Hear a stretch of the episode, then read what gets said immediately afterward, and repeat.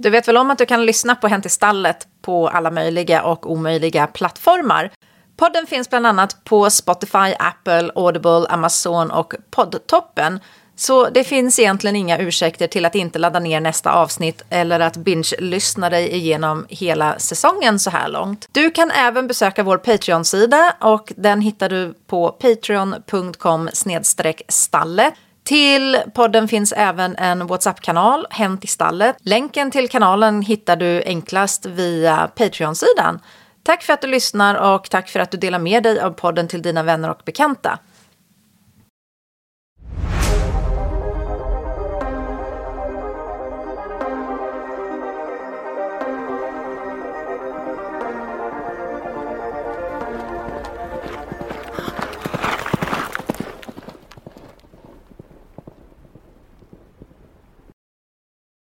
Hej och välkomna till Hänt i stallet.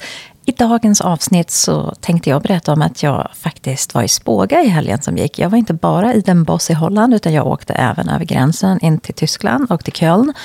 Och besökte Spågamässan. Och Spågamässan är, som kanske en del vet, är en uh, trade fair. Det är en mässa där man åker som ridsportbutik. Så åker man dit och pratar med leverantörerna och beställer varor till nästa års katalog. Och som leverantör så åker man dit för att visa sina saker och prata med kunderna. Och för min del så var det, jag vet inte hur många gånger jag varit där, men det här var första gången jag var där på några år. Och eh, jag var glatt överraskad att det hade ändrats lite i hur man, eh, själva upplägget av mässan kändes lite fräschare än förut. För att nu var det lite mer öppna montrar i en del år tillbaka i tiden så är det väldigt många av de stora företagen som har haft otroligt stängda montrar. Och man har nästan känt som att man står i kö utanför Sturecompagniet för att komma in på nattklubb. Än att man är på väg in i en monter på en hästsportmässa. Och i år så var det många öppna montrar och det gjorde ju att det var enklare att få en överblick och se vad de har för nya saker. Och när man pratar med de här leverantörerna så de är ju fantastiskt trevliga, säljande människor allihopa. Men i några fall så var det lite tråkigt att se GPA till exempel. Fantastiskt gammalt, klassiskt ridhjälmsmärke. De hade nog den sorgligaste montern som jag sett på länge. Helt naken, ingen utrustning, eh, ingen dekor. Den var helt, det var bara vita väggar och ingenting. Några tråkiga hyllor och så hade man lagt 15 hjälmar där. Och så stod det två damer som såg otroligt uttråkade ut. Och där kände jag att marknadsföringskampanjen kanske inte riktigt gick hand i hand i vad man vill göra på en mässa. Varför lägga pengar på att åka på mässa om man inte tänker göra någonting med det? Några som var väldigt säljande och väldigt framåt, det var Svenska Safety System. Och Svenska Safety System levererar hinder och eh, sockerbitar till Cavalettis. Och de var väldigt öppna och eh, glada och inbjudande. Och det kändes kul att se ett svenskt företag där, för det är inte så ofta som det är svenska företag på mässan. Och jag vet inte varför det är så, för det finns många innovativa hästsportföretag i Sverige. Så frågan är varför de inte åker till Spåga och visar upp sina produkter. Men i år då så var det Safety System och det var kul att prata med dem. De var glada och de hade en kul monter. De stod centralt och eh, när jag stod och pratade med dem så fick jag även chansen att träffa Karl Hedin, den svenska mega-influencern. Eh, och det var en kul upplevelse också. Det var lite otippat att man skulle träffa honom. Tidigare har jag träffat Britt Decker som är stor i Holland och även börjar bli internationell. Och jag har även sett andra influencers växa upp och bli stora namn nu när de är vuxna. Så det är lite kul. Eh, så hela veckan som var förra veckan, den var, den var lite lång, mycket körning.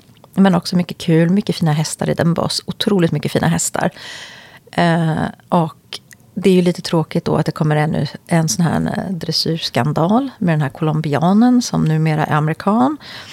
Och han känns ju lite tråkig. Hela, varför, varför behöver vi såna här ryttare? Varför kommer de? Var kommer de ifrån? Jag vet inte, vad är det för kultur som gör att vi har så mycket dåliga dressyrryttare nu för tiden? Eller är det bara att folk har börjat filma? Har det alltid varit så här? Och folk har börjat filma? Eller är det någonting som har gjort att det har blivit så här? Kan det vara unghästtesterna som pushar och trycker på tränare att pressa unga hästar? Jag vet inte. Det är otroligt konstiga metoder som man sett. De här repen runt benen på hästen, de kände jag att Ja, det var ju inte snyggt, men det var ju kanske inte det värsta som man har sett. Jag har ju fortfarande den här svenska eh, personen som piskar hästar på YouTube med berått mod som jagar dem och piskar dem. Det tycker jag faktiskt är värre än att binda ihop benen på en dressyrhäst. Eh, och det är en smaksak. I, I det stora hela så tycker jag inte att man ska göra varken det ena eller det andra. Man ska vara bussig mot hästar, man ska vara snäll mot hästar. Eh, en annan sak som jag funderat lite över det är den svenska landslagsryttaren som blev avstängd här om året. Eh, och eh, där man från förbundets sida då sa att avstängningen hos FI räknades som straff nog för att inte straffa ut ryttaren inom svenska förbundet. Men nu undrar jag så här, hur en ryttare som har tagit medalj på mästerskap nyligen, eh, som har varit avstängd för otrevligheter, men nu är tredje bästa svensk på världsrankingen och har gjort väldigt bra resultat förra året. Varför är den här personen inte med i landslaget under ett OS-år? Är det ett självvalt beslut? Eller är ryttaren utstraffad av förbundet av någon anledning som man inte vill delge? Eller är ryttaren på väg till utlandet för att byta nationalitet? Det är många frågor där. För att det kan inte stämma. Det, det, det, rimmar så himla konstigt att man kan vara på landslagsnivå. Man gör något dumt. Förbundet säger att man, inte, att man är färdigstraffad för att man har fått en avstängning av internationella förbundet. Och sen ligger man trea på världsrankningen av svenskarna och man är inte med i landslaget inför 2024. Så ja, jag vet inte riktigt vad man kan komma på. Är det självvalt? Är det mobbing? Eller vad man ska kalla det? Uteslutning? Eller är ryttaren på väg till utlandet? Den som lever får se, och det får vi väl hoppas att alla gör. Men det känns som att det är något konstigt med det här, för det, det, det rimmar fel. Uh, ja, det var nog faktiskt allt som jag har att säga för idag. Det, det var en lång vecka förra veckan och det blev många korta bonusavsnitt. Och det är jättekul att jag har fått lyssnare. Det är jättekul om ni delar med er till andra som vill lyssna också. Och glöm inte att besöka hemsidan. Den finns länkad till i eh, anteckningarna under det här avsnittet. Jag har gjort om lite. Skippade Patreon till förmån till en annan eh, plattform där jag även kan skriva ett nyhetsbrev. Och då får man ju även information när det kommer nya avsnitt och andra roligheter. Så glöm inte att läsa anteckningarna och Eh, lägga upp en prenumeration på den poddlyssnare som du använder. Och eh, tack för att du lyssnade och på återhörande. Ha en trevlig dag.